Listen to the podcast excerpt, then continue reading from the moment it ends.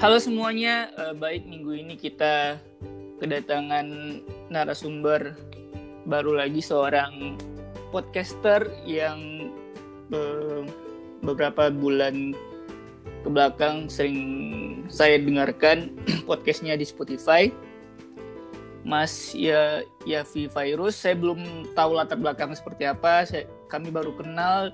Saya memberanikan DM Mas Yavi karena tertarik dengan obrolannya di podcast ya udah ternyata direspon sangat baik.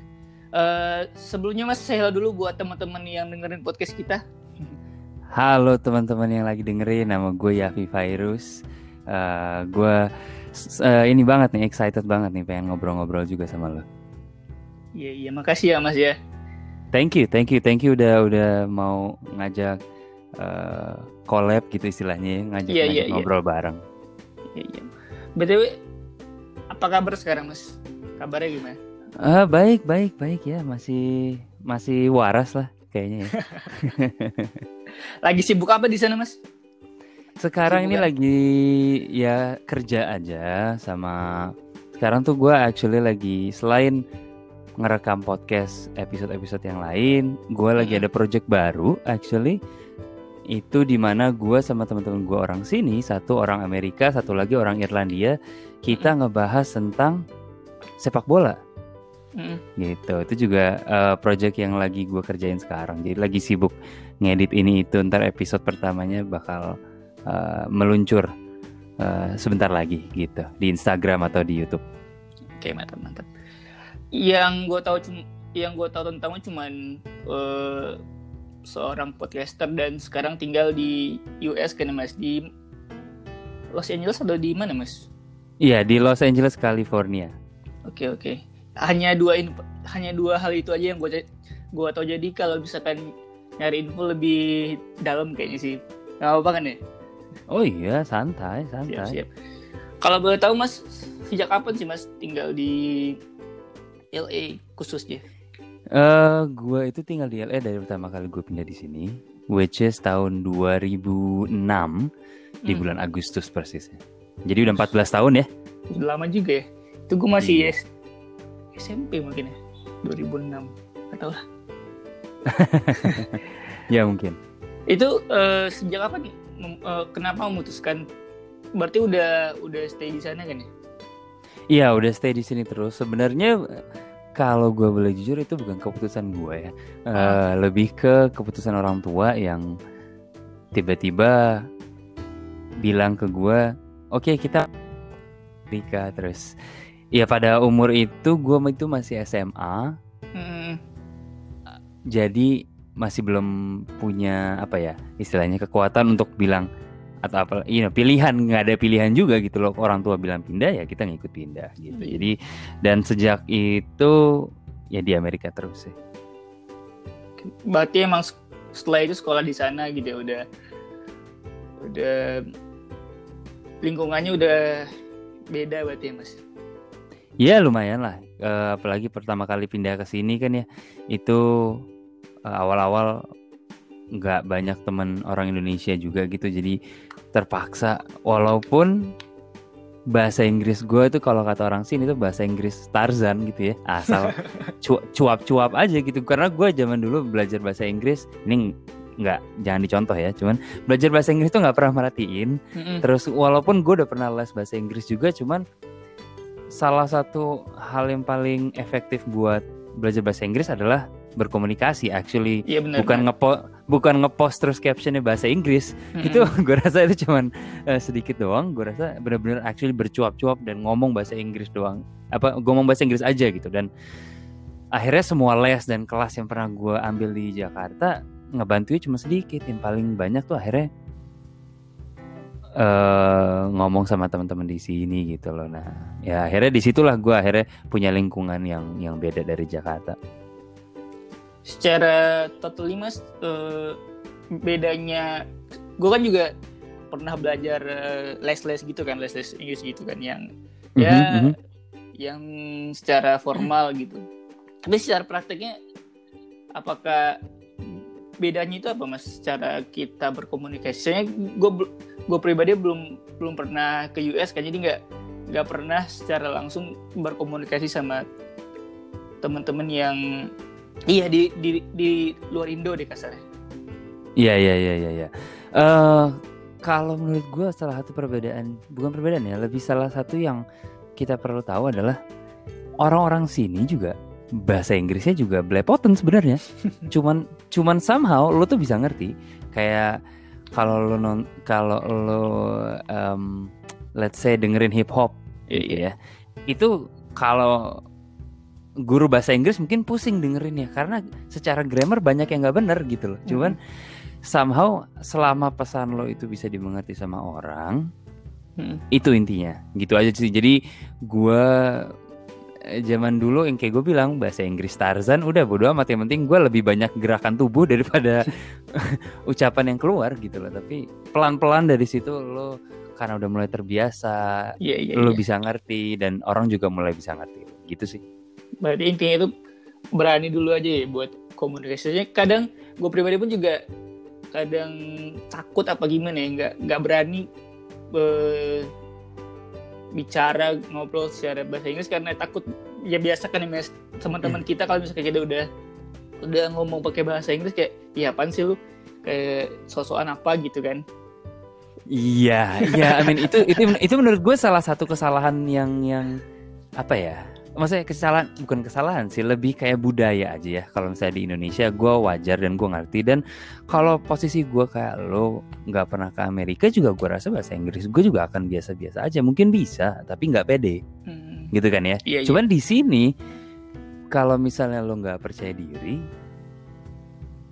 pakai mau pakai bahasa apa gitu loh jadi otomatis istilahnya uh, kayak anak kecil disuruh ajarin diajarin berenang tapi dilempar aja gitu ke kolam berenang. Hmm. It's basically the same thing. Gitu loh. Kalau lo nggak kalau lo nggak kecipak kecipok sendiri lo tenggelam. Iya benar, benar. Gitu loh. Jadi iya kayak gitu sih. Oke. Mas yang gue tahu kan cuman uh, lo podcaster kan ya hmm. kasarnya yang yang gue tahu selain kesib kesibukan record untuk uh, konten podcastnya ada kesibukan lain mas di sana nggak? Kerja di mana gitu? Um, ya, gue sekarang itu kerja di uh, apa namanya? PSBB sih, bukan PSBB. Ya. sekolah sepak bola, PS, se sekolah sepak bola lah intinya, SBB. Hmm. Sekolah eh SSB, SSB itu kan gue sampai beli. SSB. Uh, SSB, iya kayak perusahaan uh, levelnya nasional karena mereka di uh, di seluruh penjuru Amerika itu ada uh, akademinya gitu. Mm. Uh, sekolah sepak bola yang lebih fokusnya itu ke anak-anak kecil di bawah 10 tahun sih. Lebih ya di bawah 10 tahun. Itu kita fokusnya ke situ. Jadi gue itu udah ngelatih selama tahun ke belakang itu gue bener-bener diajarin caranya berkomunikasi, hmm. caranya bukan cuma bolanya doang gitu kan kan rata-rata kalau teman-teman juga mungkin yang dengerin banyak yang main bola tahu bola ngikutin bola gitu ya. Uh, tapi benar-benar diajarin tekniknya di gitu loh. Dan bagaimana menyampaikan pengetahuan kita ke anak-anak kecil itu untuk mereka bisa ngelakuin gitu loh. jadi gue sekarang tuh ngelatih bola um, dan juga sekitar tahun lalu lah ya. Akhir tahun lalu itu gue uh, dipromo apa dapat naik jabatan lah hmm. istilahnya gue udah nggak ngelatih lagi dan gue sekarang udah di office lebih ke ngurusin sisi bisnisnya gitu sih jadi kesibukan hmm. gue. Oke okay, oke. Okay. Uh, eh, sekarang kan kemarin juga ada aksi yang sangat mengemparkan dunia kali yang yang udah yang apa namanya beritanya udah sampai ke Indo gitu kasarnya. Aksi mm -hmm. demonstrasi khususnya ke uh, Mas kan tinggal di US kan. Gimana sekarang Mas kondisi mm -hmm. kondisi masyarakat secara keseluruhan masih ada kayak yang melakukan demo apa gimana soalnya in, uh, berita di Indo udah nggak udah nggak ada bahas-bahas begituan lagi soalnya yang gue lihat di TV. Iya, uh, bagus juga pertanyaannya tuh. Nah, jadi sebenarnya kalau misalnya kalian kurang familiar, kalian mungkin pernah dengar namanya George Floyd itu kan dia seseorang pria berkulit hitam yang uh, dibunuh sama Iya. polisi gitu kan. Nah, itu tuh sebenarnya kejadian yang udah berkali-kali even setelah protes ini terjadi itu masih terjadi lagi beberapa kali lagi Hmm. gitu. Uh, nah, protesnya itu kan tentang ketidakadilan Iya. polisi terhadap pria berkulit hitam gitu uh, lebih tepatnya. Sampai sekarang walaupun mungkin beritanya udah nggak terlalu tersebar di Indonesia, tapi di sini itu orang masih protes, orang masih demonstrasi em, m- untuk sampai bisa benar-benar mendapatkan eh, apa yang mereka mau gitu loh atau solusinya yang yang yang yang bisa ujung-ujungnya hopefully itu me- me- menciptakan keadilan buat semua orang gitu loh. Hmm. Ya, tapi udah rada adem sih. Walaupun udah rada adem, tapi sekarang tuh eh, protesnya lebih ke fokus di satu tempat gitu, lebih ke orang-orang apa, lebih ke tempat-tempat pemerintahan gitu loh. Kalau dulu-dulu, kalau dulu-dulu tuh kan bener-bener di Hmm. penjuru kota tuh di mana-mana gitu protesnya. Nah sekarang tuh lebih terpusat. Oke. Berarti bisa gue jela- eh, persingkat. Berarti yang di di di kita ini kebijakan kan mas untuk untuk adil tersebut apa apa gimana?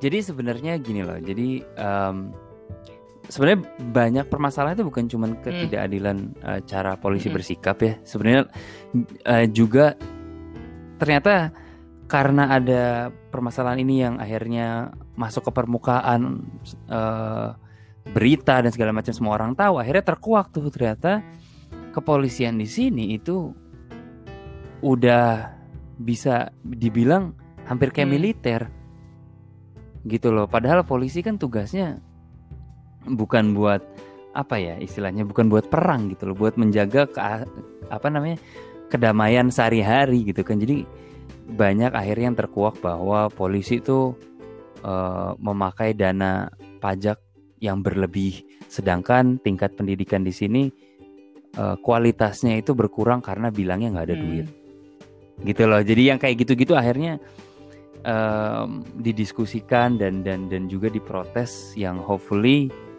em, apa ya bisa lebih seimbang lah gitu loh buat budgetnya gitu loh. Karena menurut gue sekarang kasus si George Floyd ini itu karena polisinya itu tidak dididik secara benar untuk apa ya menenangkan Hmm. situasi ngerti nggak? Kalau misalnya pendidikan polisinya itu lebih benar, mungkin si George Floyd ini Hmm. masih hidup. Gitu loh cara menanganinya mungkin di borgol aja udah cukup Iya, nggak perlu ditimpa pakai Iya. dengkul gitu loh. Itu kan salah satu eh, apa ya? Kalau gue bilang salah si orang ya memang si si polisi yang membunuh ini salah. Tapi menurut gua akarnya itu adalah tingkat pendidikannya. Pendidikannya harusnya dididik tidak untuk nyekek pakai dengkul gitu loh. Hmm. Berarti sekarang udah udah udah terpusat di gedung putih atau atau di mananya mas? Semuanya. Semua sih. Jadi kalau semua jadi kayak eh, pemerintah lokal eh, dan juga eh, gedung putih. Oke oke. Ini eh, kalau bahas-bahas rasis akan lebih panjang kali mas. Ntar kalau teman-teman yang mau obrolan komplitnya bisa ke podcast Mas Yafi aja ya. Iya, kemarin juga eh, kalau misalnya kalian mau lihat itu ada di eh, episode yang barengan Tera yang judulnya gue kira gue nggak rasis Ah. ternyata. Nah di situ tuh eh, sama narasumber gue yang namanya Tera, dia sempat eh, dia kuliah S1 di Mm-mm. UI, terus dia jadi dosen di UI dan sekarang dia lagi kuliah di sini eh, untuk S3 eh, tentang pembelajaran namanya budaya Amerika ada ada ada ada ada ada hubungannya sama budaya gitu. Jadi dia benar-benar narasumber menurut gue yang tepat dan kita di situ diskusi banyak tentang apa itu ras, apa itu rasisme dan kiranya gimana buat teman-teman eh, bisa membantu permasalahan ini karena masalah rasisme kan nggak cuma di. Amerika ya. Gitu loh. Jadi menurut gue ini selain bisa eh, tahu what's going on di Amerika, tapi juga kayak tahu akar rasisme tuh dari mana sih? Nah, dan juga solusinya kira-kira apa yang kita bisa lakuin untuk ke depan. benar benar. Oke. Ntar kalau buat teman-teman yang mau dengerin perspektif dari Mas ya pintar uh, nongol uh, dengerin di podcastnya. Ntar gue juga ada ngobrol ngobrol-ngobrol tentang rasis juga sih mas sama temen gue di asal Papua dia. Jadi kami lebih lebih hmm. lebih ke konteks Indo Indo secara keseluruhan ini nggak bahas-bahas di luar gitu kasarnya. Ntar di ya, ditungguin ya, ya, ya. aja. uh, kita udah nggak bahas bahas gitu lagi mas jadi Mas sudah sejak 2006 tinggal di US. Nah, yang selanjutnya mau gue tanyain Mas, bedanya tinggal di Indo sama tinggal di LA itu ada pasti ada kali, tapi perbedaan spesifik itu seperti apa Mas? Wah, ini sebenarnya ini pembahasan yang yeah, seru banget ya, uh, karena gua itu lagi-lagi kalau bukan karena pindah gue nggak akan tahu dan gue cuma bisa ngeliat hmm, itu bener. di TV gitu ya misalnya nonton show-show yeah, TV iya. show atau film uh, itu juga menurut gue salah satu yang menurut gue lumayan bisa membantu adalah nonton TV karena salah ini nih TV di Amerika itu kebanyakan sangat uh, apa ya merepresentasikan actually gimana sih kehidupan di sini banyak ya, bukan semua. Banyak gitu ya. Nah, kalau misal kita ngomongin tentang perbedaannya yang mudah aja deh salah satu ya. itu di sini kalau di kota-kota besar itu kita lebih individualistik. Hmm. Gitu ya. Um, artinya nggak nggak kepo lah kalau bahasa hmm. anak sekarang ya nggak kepo sama tetangga gitu lah mau misalnya ada tetangga apa ada ada sesuatu yang terjadi sama tetangga kecuali itu kejadian yang besar atau atau berbahaya satu sama lain cuman walaupun saling sapa kalau ketemu tapi ya udah hmm. that's it gitu loh nggak nggak ngurusin satu sama lain terus apalagi ya yang beda itu wah banyak banget sih salah satunya itu tergantung per daerah um, lebih beragam gitu ya. Kalau di Indonesia ya ragamnya adalah satu orang Indonesia tapi dari mana-mana. Hmm. Kalau di sini tuh benar-benar lo beragamnya bukan cuman per daerah tapi per negara hmm. gitu loh. Satu ada yang orang Amerika asli, satu ada yang orang Korea, atau ada orang Jepang, ada yang orang Wah banyak banget jadi dari situ kalau misalnya kita bisa kenal dan deket itu kita bisa belajar tentang budaya negara uh, yang beda-beda. Terakhir ke Indo kapan mas? Nah ini yang menarik. Jadi gue actually dari tahun 2006 pindah ke Amerika itu gue belum pulang balik oh, ke gitu. Indonesia. Berarti udah nggak, gitu. ya mungkin tahu informasi di sini tapi nggak nggak langsung ngerasain gimana sekarang di Indo kali. Betul, tahu perkembangan doang dari jauh karena ada sosial media tapi hmm, belum menginjakan kaki lagi. Hopefully soon. Dalam waktu dekat kah? Ah, amin. Kelar. Mari berdoa iya, iya. bersama. Kelar covid kali ya. Yo Oke, oke. Uh, mas, lanjut. Gue juga pernah dengar di podcast lo apa gimana gitu tentang green card gitu kan yang yang gitu-gitu. Yeah, yeah, yeah. Gue juga nggak tahu spesifik gimana mas. Bisa bisa jelasin nggak mas secara spesifiknya green card itu apa atau adakah yang lain bukat atau apa gitu mas? Hmm. Bisa bisa bisa bisa banget. Nah jadi kalau ke sini itu kan seperti yang kalian tahu harus pakai yeah. visa ya. Nah nah dari visa itu kan ada banyak lagi tipe-tipe visa. Ada yang visa pelajar, visa bisnis, visa seniman, visa asilum. Yang artinya itu berarti lo kalau asilum itu lo butuh perlindungan uh, dari negara asal lo. Jadi lo ngumpet dari negara asal lo di Amerika, hmm. gitu. Nah, itu ada itu atau ada itu ada sendiri juga. Nah, terus ketika udah situ, itu kan untuk masuk.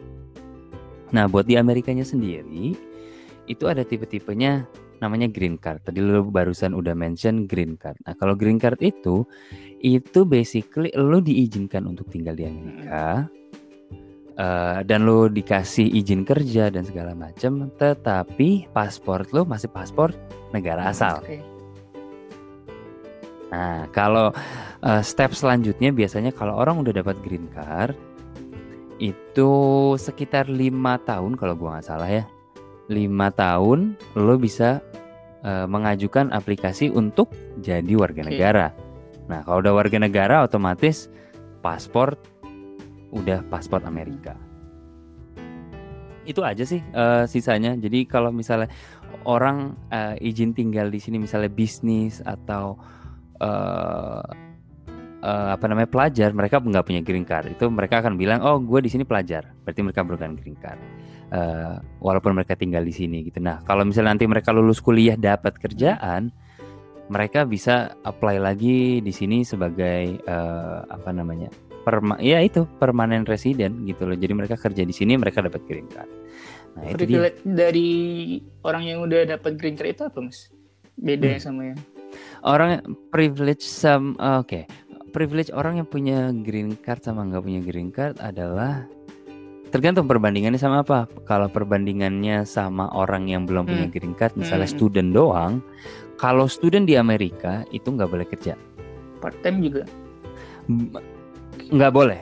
Uh, mereka sebenarnya boleh, boleh tapi hanya di dalam okay. kampus. Uh, uh, kalau mereka kerja di perpustakaan, di kantin, atau menjadi asis asdos gitu ya asisten dosen mm-hmm. itu boleh mereka akan dikasih uh, izin kerja khusus untuk di dalam okay. kampus mm. that's it mereka boleh kerja di luar kampus nanti kalau udah lulus mm. gitu loh uh, kalau lo green card itu um, lo udah lebih bebas lo udah bisa kerja di mana aja lo bisa tinggal di sini um, lo bisa tinggal di Indonesia, lo bisa tinggal di mana pun gitu loh. Green card itu ya itulah akses buat keluar masuk tanpa harus ngajuin visa. Hmm, oke okay, oke. Okay. Jadi lebih lebih dimudahkan kali ya. Iya, tapi kekurangannya beda. Nah, sekarang kalau bedanya green card sama uh, warga negara atau citizenship adalah green card itu tidak boleh ikutan pemilu. Oh, ya, oke. Okay.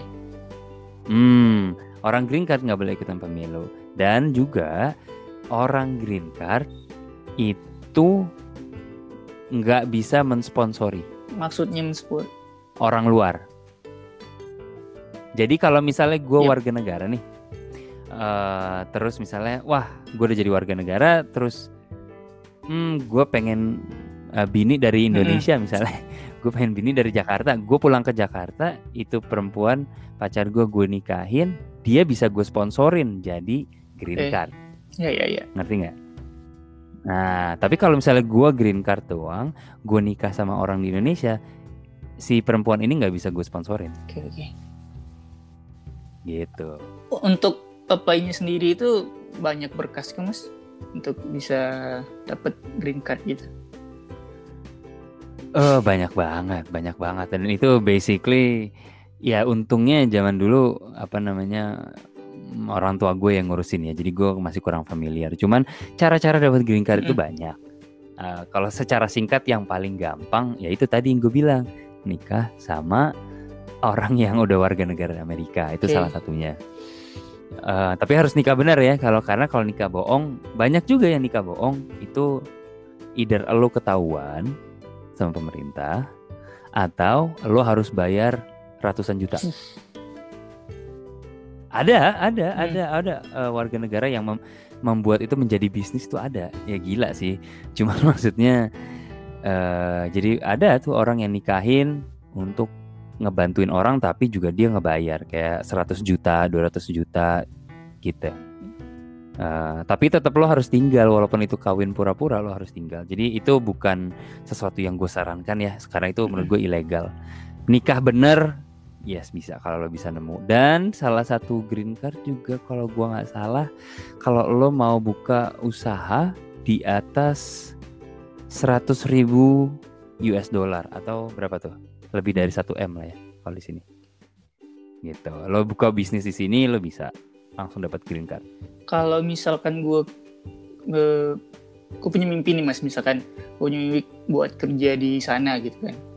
Itu bisa ngurus uh -huh. juga nggak gitu apa apa gimana tadi kan cara gampangnya nikah sama warga di sana. Nah kalau misalkan emang emang mm -hmm. gue mau stay di sana tapi nggak nggak nggak ujuk-ujuk langsung nikah gitu kan. Mungkin berkarir dulu di di di company apa gitu kan. Itu bisa nggak mas ngurusnya Nah, itu kalau kayak gitu, jadi sekarang uh, tanpa men menjurus ke politik hmm. banget, cuman basically presiden yang sekarang itu lebih mentingin pekerja Amerika. Oke. Okay. Oke. Okay.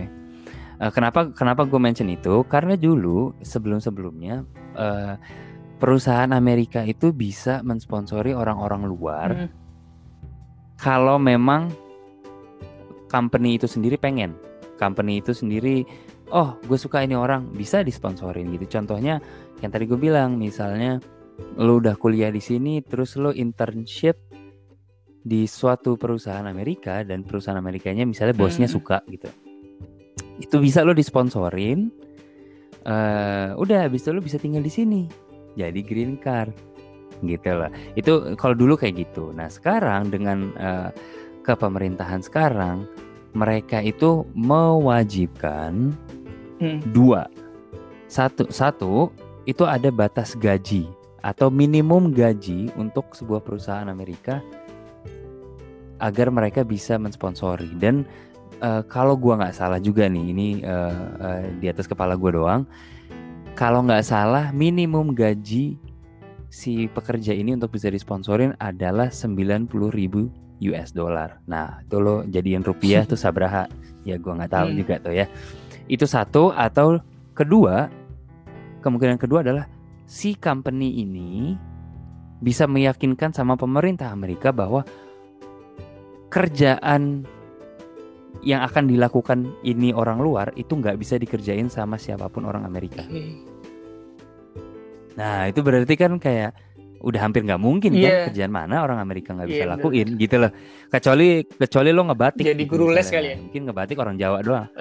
Iya yeah, guru les yeah, Jawa gitu. les bahasa Minang gitu kali ya? Ah bahasa Minang gitu. Jadi kan kayak aduh susah juga cari bahasa Minang. Nah itu baru mungkin bisa gitu. Tapi itu kan mm. kemungkinannya kecil. Jadi kemungkinan kedua tuh lebih kayak gitu jadi orang-orang yang disponsorin rata-rata memang yang eksekutif atau memang kerjaan lo di tech company yang benar-benar gaji lo besar. Jadi kemungkinannya kecil. Susah banget. Oke. Okay. Berarti kebanyakan yang mau ya tinggal di sana jalurnya paling jalur studi kali ya, yang buat kuliah.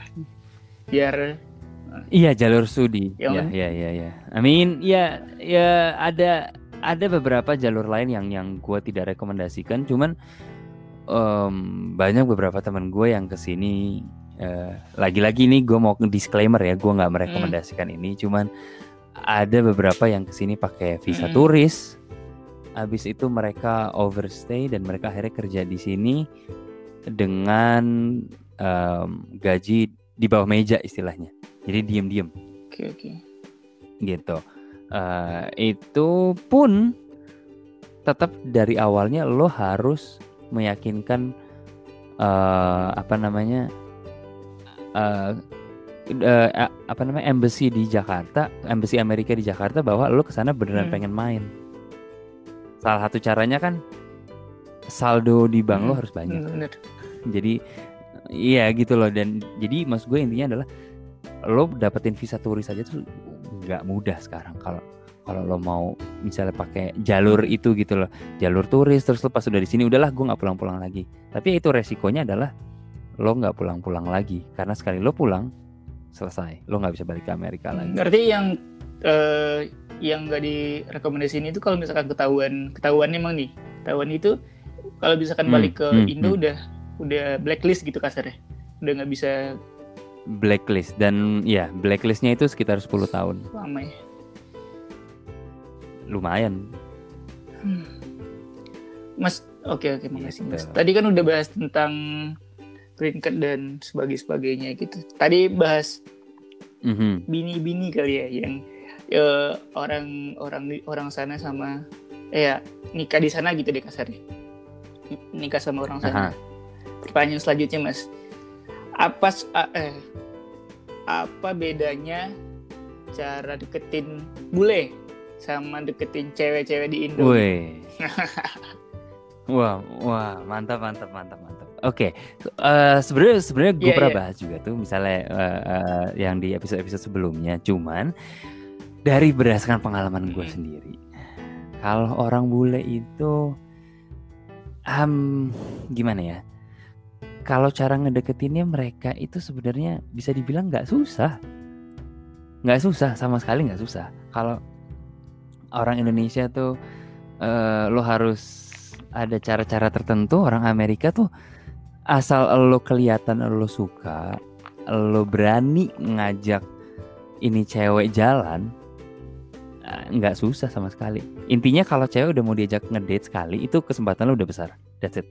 Yang susah adalah ngeiyain mereka untuk mau diajak jalan. Hmm. Oke.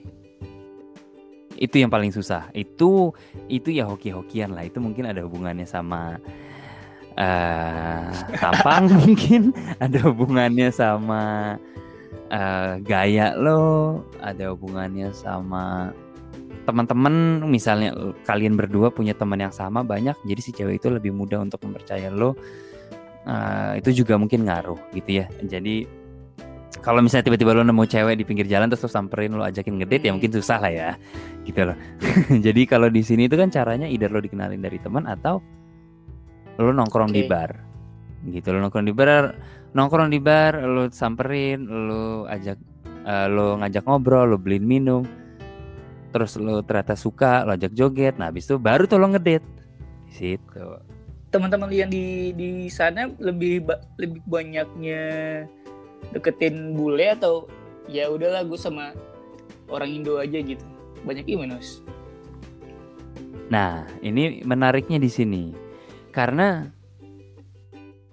em, menurut gue semakin jauh lo di dari dari Indonesia dari tanah air, lo makin kangen sama produk dalam negeri. Oke. gitu. Iya, jadi jadi kalau misalnya eh ibarat orang Indonesia lebih pengen sama bule ya karena bule nggak banyak di Hmm. Indonesia.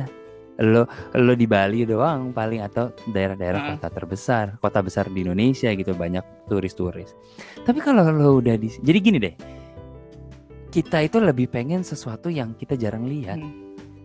gitu loh. Kalau lo udah udah di sini udah banyak bule, lo makin tahu tuh em, eh, keanehan orang-orang Hmm. bule. Terus lo akhirnya kangen gitu. Aduh, gue pengen sih sebenarnya dimasakin capcay gitu. Lo pengen sih dimasakin Iya, iya, iya, rendang iya, iya. gitu loh. Ujung-ujungnya lo lebih kangen sama wanita-wanita Indonesia dan apa ya istilahnya kalau gue sendiri lo bisa pacaran sama orang Indonesia itu salah satu cara lo untuk merasa lebih dekat sama Hmm. tanah air gitu jadi menurut gue lebih banyak teman-teman gue di sini yang ujung-ujungnya pacarannya sama orang-orang Indo lagi Produk lokal lebih oke kali kalau di sana. Wah itu istilah slogan cinta produk dalam negeri itu lebih kerasa sih kalau jauh. Siap, siap, siap. Iya. Ah, tadi bicara produk lokal gitu, Mas. Kalau misalkan Mhm. misalkan ini tahun depan lu balik ke Indo gitu kan ya. Misalkan misalkan aja. Eh, apa yang akan lu cari di Indo untuk ya seminggu pertama gitu? Makanannya kah apa gimana? Jalan-jalan kah? eh mungkin perempuannya kali ya. Anjir, bercanda, bercanda, bercanda, bercanda. Enggak. eh em, makanannya sih, gue rasa ya. Eh sebenarnya nomor satu adalah keluarga. Mm-mm. tentunya. Eh, kedua teman-teman, ketiga baru makan-makannya. Eh, makan-makannya ya keluarga kan udah lama gak ketemu gitu ya. Terus teman-teman, teman-teman SMA, teman-teman SMP dan SD itu kan udah lama gak ketemu. Eh, dan teman-teman dulu yang di Amerika yang di sini bareng, terus akhirnya mereka udah pulang ke Indonesia duluan. Akhirnya kan mungkin bisa ketemu lagi gitu kan kangen gitu ya.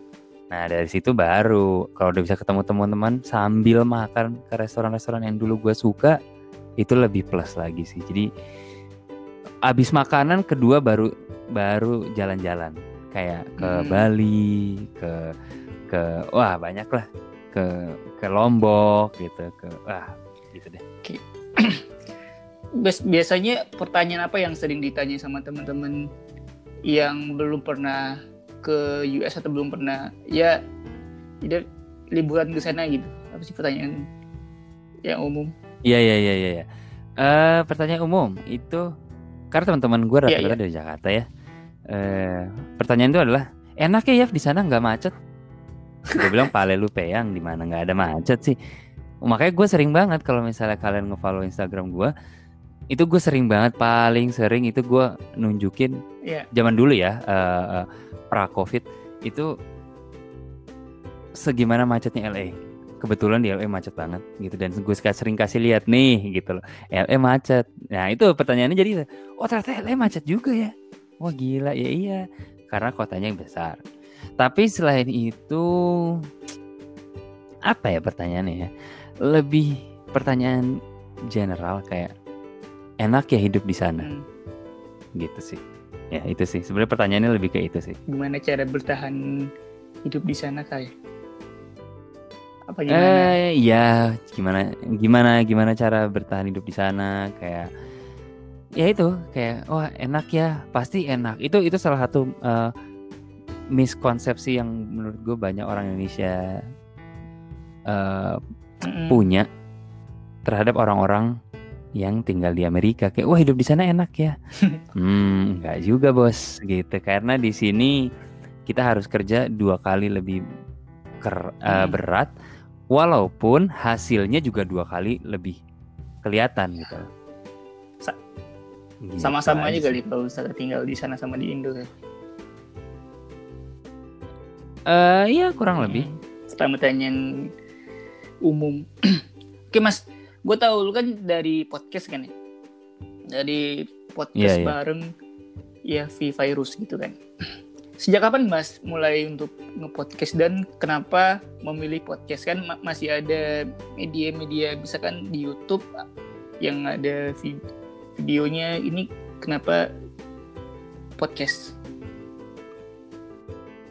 Ah, itu pertanyaan yang sangat menarik nih. Jadi, eh, oke, gue jawab yang Oke. pertama dulu ya. Ya, gue mulai podcast itu tahun 2018 atau 2019? No, 2018. Ya, tepatnya 2018 itu gue pertama kali mulai karena dulu gue memang suka banget yang namanya radio. Gitu. Gue di Jakarta gue sering banget dengerin eh, radio-radio lokal gitu ya. Gue zaman dulu tuh pengen banget jadi eh, penyiar radio di Jakarta gitu lah karena gue menurut gue seru banget aja gitu gue orangnya doyan ngoceh makanya podcast gue Mm-mm. namain ngoceh itu jadi gue doyan banget nih orang kayak seru banget kerjaannya ngomong doang nih seru nih gitu Em, nah dari situ terus akhirnya gue sempat eh, ikutan zaman dulu itu mm, radio PPI dunia gitu radio pelajar-pelajar eh, Indonesia yang ada di luar negeri. Terus ya udah akhirnya trennya pelan-pelan mulai ke podcast. Jadi tahun 2018 itu gue mulai oke, gue kayaknya harus ngerjain sendiri gitu loh. Kalau nggak ada kalau nggak ada stasiun radio yang mau nyamperin gue, gue harus bisa mulai sendiri aja gitu loh. Eh, akhirnya gue memutuskan untuk mulai. Kenapa akhirnya podcast aja, bukan YouTube? Hmm, menurut gue satu itu Ya, lebih simpel. Eh, lo nggak perlu edit-edit video dan segala macem, nggak nggak banyak nggak banyak eh, proses post production yang yang yang harus lo lewatin untuk sebuah produk itu untuk eh, keluar gitu ya. Jadi satu itu lebih simpel dan kedua yang tadi gue bilang gue emang suka banget aja radio. Walaupun tidak menutupi kemungkinan kalau misalnya nanti gue akan terjun ke dunia YouTube gitu. Tapi kalau sekarang radio sih lebih ngobrol lebih enak. Oke oke. Mas kita udah udah di ending obrolan kita gitu di, di podcast ini. Ada hal yang belum gue Mhm. tanyain nggak Mas? Tapi mau ngasih informasi ke teman-teman yang dengerin ini. eh apa ya? Menurut gua gini, jadi tadi lo sempat ngomongin tentang. Amerika gitu kan, perbedaannya gimana Amerika segala macam. Eh menurut gua intinya sih sebenarnya di di mana aja lo tinggal itu selama lo kerja keras ya insya Allah ada hasilnya gitu ya. Dan gue percaya banget em, yang namanya kerja keras itu nggak akan pernah terbuang sia-sia gitu loh. Mungkin hasilnya nggak instan mungkin hasilnya masih nanti cuman selama lo jalan terus kerja keras terus uh, apa namanya pasti ada buahnya gitu. Um, sama kalau lo mau pengen lo penasaran ke Amerika apalagi lo masih muda. Lo juga kan masih umur berapa lo masih umur dua dua ya? Nah, uh, ini penting banget itu lo uh, nyiapin goal dari sekarang. Even kalau misalnya lo masih dan lo masih 18 19 tahun siapin goal dari sekarang. Goal jangka panjang aja. Contohnya sesimpel gua mau ke Amerika. Gue pengen tahu nih si Yavi yang Yavi hmm. omongin kayak gimana sih? Cuman gue pengen lihat kemacetan LA kayak gimana misalnya gitu. Lo pengen ke LA jangan gara-gara pengen lihat macet. It's fine. Intinya nabung dari awal. Lo nabung lo kasih tuh lo mau nabung itu buat ke LA lo nabung itu buat nikah nanti punya goal dari awal. Itu satu yang gue menurut gue bukan sesali ya tapi kayak I wish seseorang itu ngasih tahu gue dulu. Hmm. gitu loh. Uh, punya goal dari sekarang nabung nabung nabung nabung. Apa pun itu nanti duitnya buat apa itu pasti ntar lo akan senang lo akan bangga bahwa lo nabung. Uh, gitu aja sih. Sama um, ya di sama jangan lupa dengerin podcast gue aja. Gitu sih.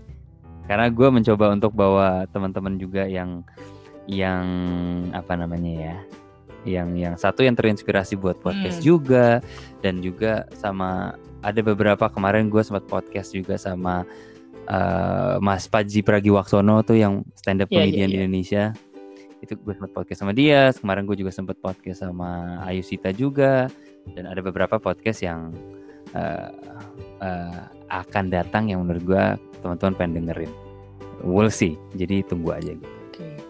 Ada lagi mas? Udah. Udah sih gue sih sama sama gue mau berterima kasih juga udah diundang udah diajak uh, podcast bareng sama lo. Gue merasa uh, terhormat dan gue senang banget juga gitu ngobrol-ngobrol bagi-bagi pengalaman tentang kehidupan di sini. Sebelum kita ke closing statement sebenarnya ini ada closing statement sebenarnya mas kalau di podcast gue. Uh, oh oke okay, uh, okay, ada nggak mas siap. yang ya sebenarnya kita secara personal belum kenal gitu kan ya ada yang mau tanyain nggak mas sama gue mas oh iya iya seru sih. Mas gue gini gue pengen nanya inspirasi lo apa sih? Kayak bisa pengen buat podcast juga gitu. Inspirasi gue gue ini dari awal kali ya gue buat podcast ini sekitar dua bulan yang lalu kan dua bulan yang lalu. Mm -hmm. itu awalnya karena iseng karena di Indo sendiri kan lagi PSBB gitu kan mas. Nggak nggak bisa keluar rumah kan. Mm-hmm. gue bingung mau mm-hmm. mau ngapain di luar kuliah gitu kan. Di luar kuliah. Terus karena sering dengerin podcast dapat gue nggak buat podcast kali ya? Apa gimana? Karena gue keterbatasan alat-alat yang proper seperti podcaster profesional biasanya gitu kan? Ya ya udahlah gue mm-hmm. bermodalkan handphone memodalkan earphone ya udah memberanikan diri. Topik uh, obrolan pertama itu bahas tentang covid sama temen gue di anak kedokteran unpad gitu itu awalnya mm-hmm. ide awal. Terus gue mikir ya udah buat gue seneng-seneng aja buat ngobrol lagi sama orang gitu kan. Punya uh, punya perspektif baru tentang temen gue yang tinggal yang kuliah di Jerman yang sekarang kerja di Jepang ada. Terus ada yang pernah LPDP ke Belanda. Itu kayak ngasih ngasih apa ya? Ngasih pembelajaran baru perspektifnya seperti apa gitu sih mas sebenarnya. Gue suka ngobrol dengan orang baru dengan orang yang mungkin gue kenal tapi gue gue nggak tahu seperti apa dia gitu kan. Secara umum nggak nggak secara dia siapa. Kalau dia siapa kan enaknya emang langsung ketemu gitu ya mas. Tapi kalau untuk podcast ya setidaknya ada gitu hal-hal baru yang gue tahu itu sih. Bagus mantap mantap mantap. Uh, eh, gue suka banget sih cara berpikir lo. Jadi buat teman-teman yang dengerin perlu dicontoh nih cara berpikirnya dia nih uh, pengen cari tahu dulu zamannya gue masih kecil kan guru kita sering denger guru ngomong apa namanya sering hmm. bertanya orang namanya penasaran tuh sebenarnya bagus asal yeah, jangan yeah. kepo beda ya kalau kepo asosiasinya negatif uh, sama gue punya yeah. pertanyaan satu lagi sih tantangan terbesar lo apa selama kali ini podcast? Tantangan. Oh, tantangannya paling gue sinyal sih Mas biasanya. Sinyal karena kadang sinyal kalau sinyal di gue sendiri uh, alhamdulillah oke okay kali ya. tapi kadang sinyal dari narasumbernya sinyalnya kurang bagus. Jadi hasil hasil dari record kami itu kadang ngaco gitu kan karena putus-putus apa gimana. Itu sih tantangan buat podcast uh, digital kali yang enggak yang enggak tatap muka. Selain itu apa lagi ya? Tantangannya hmm, itu sama selain selain selain itu nggak ada lagi sih soalnya gue nggak nggak ngebatasin diri. Jadi gue itu ber, berprinsip setiap orang itu punya perspektif. Jadi nggak nggak ada perspektif yang benar atau yang yang salah gitu. Orang berhak cerita ngobrol. Ya udah ini wadah untuk teman-teman gue dan gue sendiri buat ngobrol. Gitu aja. Nggak nggak. Kadang banyak stereotip. Misalkan nih misalkan uh, kemarin ada uh, yang setelah kasus di US gitu kan kenapa nggak bahas ngobrol-ngobrol dengan tem, uh, kasus di Papua kasarnya gitu kan oke okay, oke okay, oke okay. mm -hmm. kok gue malah jadi di, di dikotakan seperti itu ya terus uh, gue langsung kontak temen di teman asal Papua kami ngobrol panjang lebar yang ya main aman juga sih kasarnya bahas-bahas hal umum terkait rasis di di, mm -hmm. di di di Indo yang pernah dialamin gitu. Nggak kami nggak nggak bicara tentang kasus yang lain. Jadi nggak nggak terlalu mm -hmm. sensitif kan. Jadi uh, yeah, yeah, yeah. jadi kalau misalkan lu mau bahas kasus ya sama orang yang udah tinggal di sana gitu. Jadi nggak nggak nggak ada stereotip yang baru gitu. Banyak lah. Narasumber ya, iya, yang benar. intinya ya oke oke oke mantap mantap. Keren keren keren. Ada lagi ditanya. Gue masih uh, newbie ini kali ya? udah masih sih enggak apa-apa sih mas gue kalau if anything menurut gue uh, bukan pertanyaan lebih ke lebih ke hmm. pesan aja gitu loh. Kayak salah satu quote yang sangat menginspirasi gue untuk mulai juga oh, waktu itu sama Mas Panji juga tuh Mas Panji Pragiwaksono uh, kan gue lo iya, kenal yeah, lumayan deket juga sama dia. Dan gue sempat ikut turnya dia juga. Jadi gue berkali-kali tuh dengerin beat yang sama gitu ya. Um, yang ketika juru bicara. Dan salah satu yang dia omongin yang gue paling nempel banget itu adalah ketika kita berkarya nggak ada orang yang langsung bisa jadi keren langsung bisa langsung apa segala macam kalau misalnya lo ngeliat episode gue pertama juga gue sama juga ngerekam aja dari HP juga gitu loh. Dan sampai sekarang gue udah punya apa namanya ya dibilang proper banget juga enggak. Cuman at least udah mulai cukup lah gitu ya. Cuman intinya quote yang si Mas Panji itu dia bilang yang penting mulai aja dulu.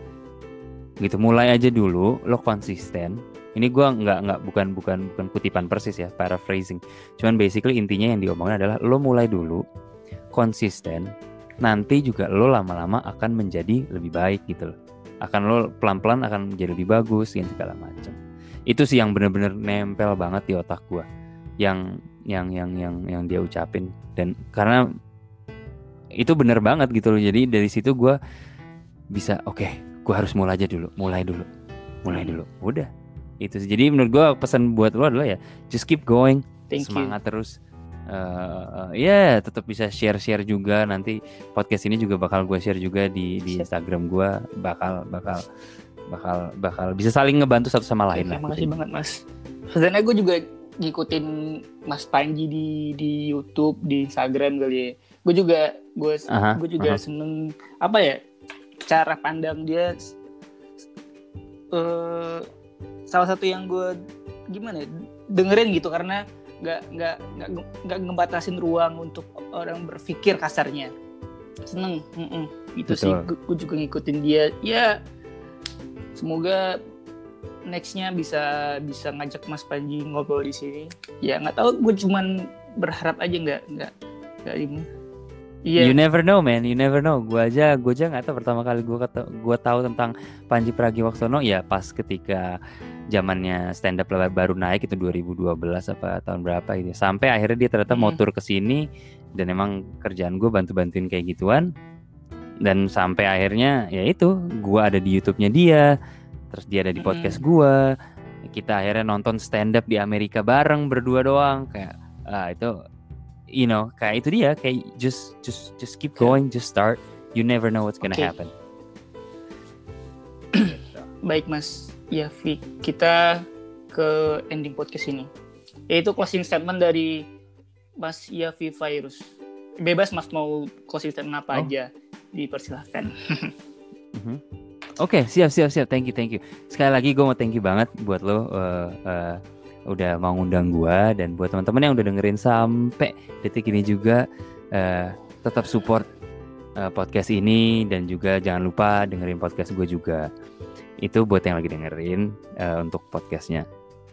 Dan sukses terus podcastnya ini uh, dan semoga bisa lama-lama bisa menjadi lebih baik. Dan buat lo semua yang lagi dengerin, pesan gue adalah ini tahun 2020 ini banyak sekali hal-hal yang terjadi. Banyak sekali hal-hal yang um, bisa membuka mata kita tentang apa pun itu. Dari COVID ini kelihatan gimana sih orang Indonesia. Teman-teman lo mana sih orang yang taat peraturan, mana sih yang enggak. Gitu ya. Terus kejadian rasisme ini akhirnya meng- me- me- mengkuak uh, permasalahan rasisme di dalam negeri. Gitu ya.